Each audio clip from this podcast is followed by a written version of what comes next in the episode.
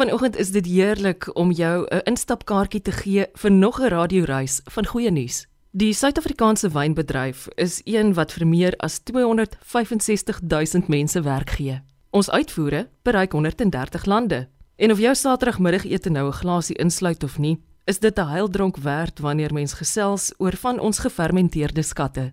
Die rede daarvoor is omdat dit handel oor boereplanne, vasbyt en die maatskaplike verantwoordelikheid wat deur die bedryf geneem word. Winpro is 'n organisasie wat meer as 2.500 wyndruifprodusente verteenwoordig. Konrad Skutte is verlede maand aangestel as hoofuitvoerende beampte en volgens hom is daar wysheid in ons wingerde. Vir alles se mense hoor van die innovasies wat gebottel staan in plaaslike kelders. In die tegniese omgewing werk ons baie met tegnologie oordrag. So partykeer sien 'n ou dat produsente sekere tegnologieë langer vat om op te neem, maar dan het jy definitief jou innoveerders in die bedryf wat tegnologie vinnig vinnig opneem. So iets wat dan nou baie groot aanhang kry in die Suid-Afrikaanse bedryf op hierdie stadium is herlewingslandbou. So ons kry baie buitelandse navraag, wat doen ons in Suid-Afrika met herlewingslandbou? En produsente is dan nou ook baie geïnteresseerd in wat kan ons doen om herlewingslandbou toe te pas op ons plase. En ek dink ons kan baie trots wees as 'n Suid-Afrikaanse bedryf binne in die herlewingslandbou pakkie is daar volgens my verskillende gereedskap wat jy kan gebruik, 8 of 9 verskillende stukke gereedskap en daar is produsente wat almal toepas op 'n plaas, maar daar's ook produsente wat gedeeltelik toepas op die plase. So iets wat 'n ou baie sien in die Stellenbosch omgewing as jy rondry, is die integrasie met diere veral beeste wat dan nou tussen die wingerde wy. So die beeste sal dan nou die dekgewasse wat ons tussen die wingerd vestig eet en uh, dan ook mos nou die grond bemes soos hulle aanbeweeg en dit gee dan ook 'n addisionele inkomste stroom vir die produsente as hulle die beeste se vleis verkoop. Natuurlik in terme van grondmikrobelewe, grondbiologie is daar ongelooflike voordele met die integrasie van diere in die bedryf. Dis definitief 'n groot tema wat ons sien. Dan iets anders wat ek dink baie opwindend is, is ons Vineyards of the Future projek. So ons het 'n Vineyards of the Future projek by Stellenbosch Universiteit wat ons dan nou hulle opleidingswingerde vir Stellenbosch studente gehervestig het. En in hierdie hervestiging het ons dan nou gekyk na verskillende klone, verskillende kultivars, verskillende onderstokke, opleistelsels, ryrigting ensovoorts om werklik waar seker te maak dat ons studente wat eendag in die bedryf gaan in toetrede maak, goeie wêreldklas opleiding het. Ek dink daar is miskien heelwat vrae ook oor die rol van dames binne in landbou. En as 'n ou met die dosente gaan praat by Stellenbosch Universiteit, sê hulle hoor hierso maar die mense, die studente wat dan nou op hierdie projekte werk en opleiding kry is meer as 50%. So ek dink in terme van dames se toetrede in landbou is dit baie positief vir ons op hierdie stadium. Wynverbouing strek soveel wyer as die Wes-Kaap. Ek dink aan die Tanat wat die ouens in die Noord-Kaap produseer. Ek dink aan die Sauvignon Blanc van KwaZulu-Natal. Ja, ek dink daar sal altyd met nuwe streke geëksperimenteer word om dan nou te kyk hoe ver kan ons wingerdboukundige praktyke vat tot op uh, die ekstreme kondisies. Ek is gelukkig omdat ek al 'n bietjie kon rondreis in my loopbaan. So ek het onder andere by Michigan State University gewerk en as 'n ou daar in die wingerde instap, is jy nie diep in die sneeu, dan is die temperature minus 23 grade Celsius. En aan die ander kant as ons opgaan na Suid-Afrika toe in die Oranje rivier is die temperature 32 grade Celsius. So die wingerdstok het 'n ongelooflike aanpasbaarheid. Maar natuurlik is dit ook ons werk as wingerdboukundiges om dan nou te kyk watter van die kultivars kan ekonomies volhoubaar binne spesifieke streke geproduseer raak maar ek dink dis ook 'n baie opwindende tendens wat ons binne die bedryf sien om te kyk na nuwe kultivars, spesifiek as ons kyk na droogte toleransie, kan ons hierdie kultivar produseer met meer produksie gee en minder water gee. En ek dink dit is ook waar die Windpro projek van Gen Z dan nou lekker traksie kry in die bedryf waar ons verskillende demonstrasie persele by produsente op hulle plase daar stel waar die bure dan nou kan kom kyk wat is die nuwe klone wat is die nuwe kultivars, wat is die onderstokke wat dan nou werk in daai omgewing en hoop hulle kan hulle teruggaan na hulle plaas toe en dit dan op hulle plaas implementeer. So dis absoluut 'n kennisoordragplatform wat ons dryf. 'n Nuwe era het aangebreek vir Windbrou. Ek wonder wat sou jou kommentaar wees rondom kwessies wat volhoubaarheid insluit? Ja, so ek dink uh, heelwat opwinding in die bedryf as ons kyk na volhoubaarheid. So die wynbedryf het laas jaar 'n groot oefening gedoen om spesifiek te kyk hoe hierso wat doen die bedryf as geheel oor volhoubaarheid. En ons het eintlik gaan kyk hoe hierso in al hierdie komponente in die waardeketting van die wynbedryf is daar so baie wat reeds gedoen word rondom volhoubaarheid om daai saam te stel in 'n biblioteek dat as ons enige navraag kry wat die bedryf doen dat ons mense daarheen kan verwys om spesifiek te gaan kyk wat doen sekere skakels binne die ketting vir volhoubaarheid. Ek kan miskien vir jou een voorbeeld gee in terme van ons navorsing en ontwikkeling wat deur Windtech gedryf word, is daar dan nou 'n projek wat gefokus word op klimaatsverandering. So binne die projek het hulle drie verskillende persele, die een is in die Olifantsrivier, ander een in Bredekloof en die ander een in Stellenbosch. So die idee sal dan nou wees dat die produsent die een helfte van die blok besproei en dan kry ons navorsers in wat die ander helfte van die blok besproei met baie lesings, grondvogmetings, blaarlesings ensovoorts en ongelooflik interessant wat ons sien dat die navorsers baie water kan spaar en nog steeds dieselfde hoeveelheid druiwe kan produseer teen 'n goeie kwaliteit. So ek was so 2-3 weke gelede by een van hierdie terugvoer sessies gewees en ook ongelooflik om te kan sien hoe daai produsent staan in 'n wingerd en sy kennis deel met produsente binne in daai area wat hy geleer het by navorsers en hoe hy sy besproeiingsstrategie aangepas het om dan nou minder water te gebruik op die plaas. So ek dink die watergebruik is dalk een van die voorbeelde van volhoubaarheid wat ons na nou kyk in die wynbedryf op hierdie stadium. Konrad in terme van die ontwikkeling en die kommersiële belangstelling van alkoholvrye wyne, waar trek ons?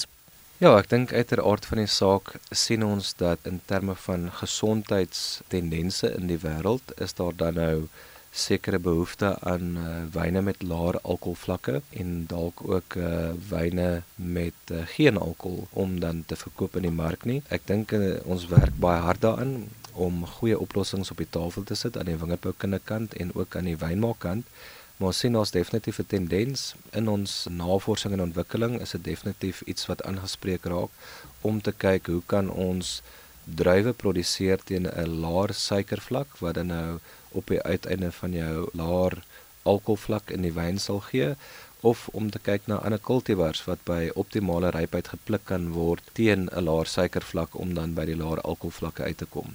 Die klimaat bly verander sou jy sê dat ons in die toekoms dalk kan sien dat druiwe geplant word in gebiede waar dit voorheen nog nie gebeur het nie? Ja, ek dink dit is 'n baie interessante vraag. Ek dink van 'n bedryf af het ons 'n baie lekker platform ontwikkel. Die platform se naam is TerraClim. So TerraClim is eintlik befonds uit 'n PhD-studie van Dr. Tara Saudi. Hulle het 'n digitale platform daar gestel sodat as 'n produsent op 'n spesifieke perseel 'n kultivar wil aanplant, byvoorbeeld Cabernet wat ons op warm hellings wil plant of Sauvignon Blanc wat ons op koue hellings wil plant, is dit dan nou 'n besluitnemingsgereedskap wat daai produsent kan inskakel en kyk waar is die warm hellings en waar is die koue hellings op 'n perseel. So ook as hy meer as een perseel het, kan hy besluit om van die kouer kultivars byvoorbeeld in grabouw aan te plant en van die kultivars wat beter doen in warm areas so Stellenbosch se Cabernet eerder in Stellenbosch plant. So ongelooflike goeie besluitnemingsplatform digitale platform in die hand van produsente. Uiteraard van die saak dink ek daar is nuwe wyndryf produserende streke wat altyd daai limite sal toets wat ons kan gaan kyk. Waar kan ons die Pinot Noirs in die koue areas plant? Hoe ver kan ons Chardonnay dryf in die koeler areas? So ja ek dink dit is baie belangrik 'n uh, deel van die eksperimentering van die bedryf om dan nou te kyk watter kultivars werk waar in watter areas teen ekonomiese volhoubare pryse. Wat is dit omtrent die Suid-Afrikaanse wynboer wat jou persoonlik inspireer? Ek dink in terme van wat ek sien onder produsente wat ons werk, is dit uh mense wat 'n hele paar terugslae deurgegaan het die afgelope paar jare So daar was eerstens droogte gewees, ons was deur COVID gewees. Daarna is daar ook ander tendense wat uitgespeel het wat wyndryfproduksie baie uitdagend gemaak het. Dit is vir my ongelooflik om te sien hoe produsente planne maak, hoe produsente aanpas en innoveer om dan nou nog steeds in hierdie moeilike situasie winsgewend te wees en aan te pas en dan nou ook fokus te bou op wyndryfproduksie. So ek dink is absoluut opwindend om te kan sien hoe vinnig mense kan aanpas en ook hoe resilient hulle eintlik kan wees in baie moeilike tye. Is een van my gunsteling onderwerpe om met julle ouens te gesels oor die maatskaplike betrokkenheid van die plaaslike wynbedryf. Ja, so ek dink in terme van opleiding spesifiek sien ons uh, dit is 'n baie belangrike rol. So Windprou spesifiek het 'n uh, tegniese rol daar vervul om dan nou plaaswerkers op te lei in wingerdboukunde. So daar is 'n platform geskep wat plus minus 10 verskillende modules vir hulle aanbied.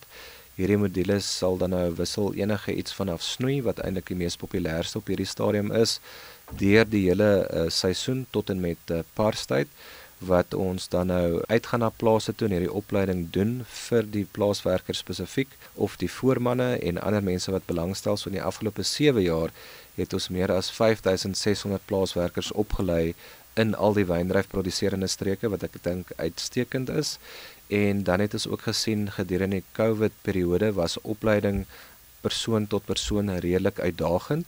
So ons het die behoefte gesien dan nou om 'n digitale platform te skep waar plaaswerkers dan nou kan inskakel op hulle selfone op 'n rekenaar as hulle naby aan 'n uh, Wi-Fi geriewe is en dan nou op hulle eie tyd teen 'n spoed waarmee hulle gerieflik is deur die materiaal werk, vrae te beantwoord en 'n sertifikaat kry soos hulle elke module voltooi en op die einde van die dag as hulle die hele kursus voltooi het, erkenning daarvoor kry dit word ook vasgevang op 'n learner management system sodat ons hierdie volwasse leer kan vasvang in die bedryf en dan ook uh, die opleiding van werkers kan uh, naspeur soos hulle rondbeweeg in die bedryf. So ek dink een van die ongelooflike stories wat ons in die bedryf geervaar het deur 'n baie moeilike periode met COVID was daar 'n kelder gewees in die Stellenbosch omgewing met 'n restaurant wat uiteraard van die saak nie meer kon oop wees nie en daar in die restaurant was daar dan ook 'n barista gewees wat die koffie gemaak het vir die restaurant. Toe die restaurant toe was, kon hy nie meer 'n barista wees en koffie maak nie. So hy het eintlik deur middel van Windprou se uh, snoeioplei kursus dan nou die snoeiopleiding gedoen en in die wingerd begin werk saam met die spanne om die wingerd te snoei. En die plaaseienaar het uh, na ons toe teruggekom na 1 of 2 weke en vir ons sê ongelooflik hoe hierdie persoon daai vaardigheid kon toepas op die plaas op 'n ander plek en op die eind, einde van die seisoen was hy eintlik een van die beste snoeiers binne in die span gewees. So baie lekker storie om te kan sê hoe 'n persoon se vaardigheid aangepas is binne moeilike tye. In landbou praat ons van 'n winshorison. Dis my so mooi term. Met dit 'n gedagte, wat sê jy aan die potensiële nuwe toetreder? Ja, ek dink aan potensiële nuwe toetreders moet realisties wees oor die landskap in landbou op hierdie stadium. Maar ek kan ook vir jou sê dat daar by produsente wat reeds binne in die bedryf is op hierdie stadium innovasie plaasvind aan die wingerdboukundige kant, byvoorbeeld om uh, nuwe klone te gebruik wat dan nou meer kan produseer op uh, spesifieke snoeistelsels soos 'n Guyot snoeistelsel waar ons dan nou hoër produksie skryf van 'n kleiner area af. So ek dink produsente moet regtig innoverend gaan kyk in elke liewe faset van hulle besigheid om hulle besigheidsmodelle so aan te pas dat hulle wel volhoubaar is teenoor die langtermyn. En ek dink daar is goeie voorbeelde waarna ons kan gaan kyk en sê aan die wingerdboukunde kant daar is voorbeelde vir innovasie en so ook die hele ketting om dan nou te gaan uh, navorsing te doen oor hoe innoverende besigheidsplan sal lyk op die tafel. Ek uh, het 'n absolute passie vir landbou en weet ons ons werk met wingerd, ons werk met wyn, maar die wingerd kan nie geplant word en die wyn kan nie gemaak word sonder 'n menskomponent nie. So ek dink dit is absoluut 'n fees om met mense te kan werk, mense wat uit verskillende omgewings saamkom, mense wat vir jou ook leer soos jy in die bedryf rondbeweeg. Ja, ek dink die menskomponent van landbou is baie opwindend en dit is ongelooflik opwindend om te sien wat se planne mense maak, hoe hulle aanpas en ook hoe hulle netwerke inpas om inligting te kry om daai aanpassing te kan maak. Hoofuitvoerende beampte van Windpro, Konrad Skutte. Jy het pas geluister na RSG Landbou en om stories soos die met jou te deel is 'n voorreg. Ek is Eloise Pretorius en ek sien daarna uit om binnekort weer saam met jou te kuier. Totsiens.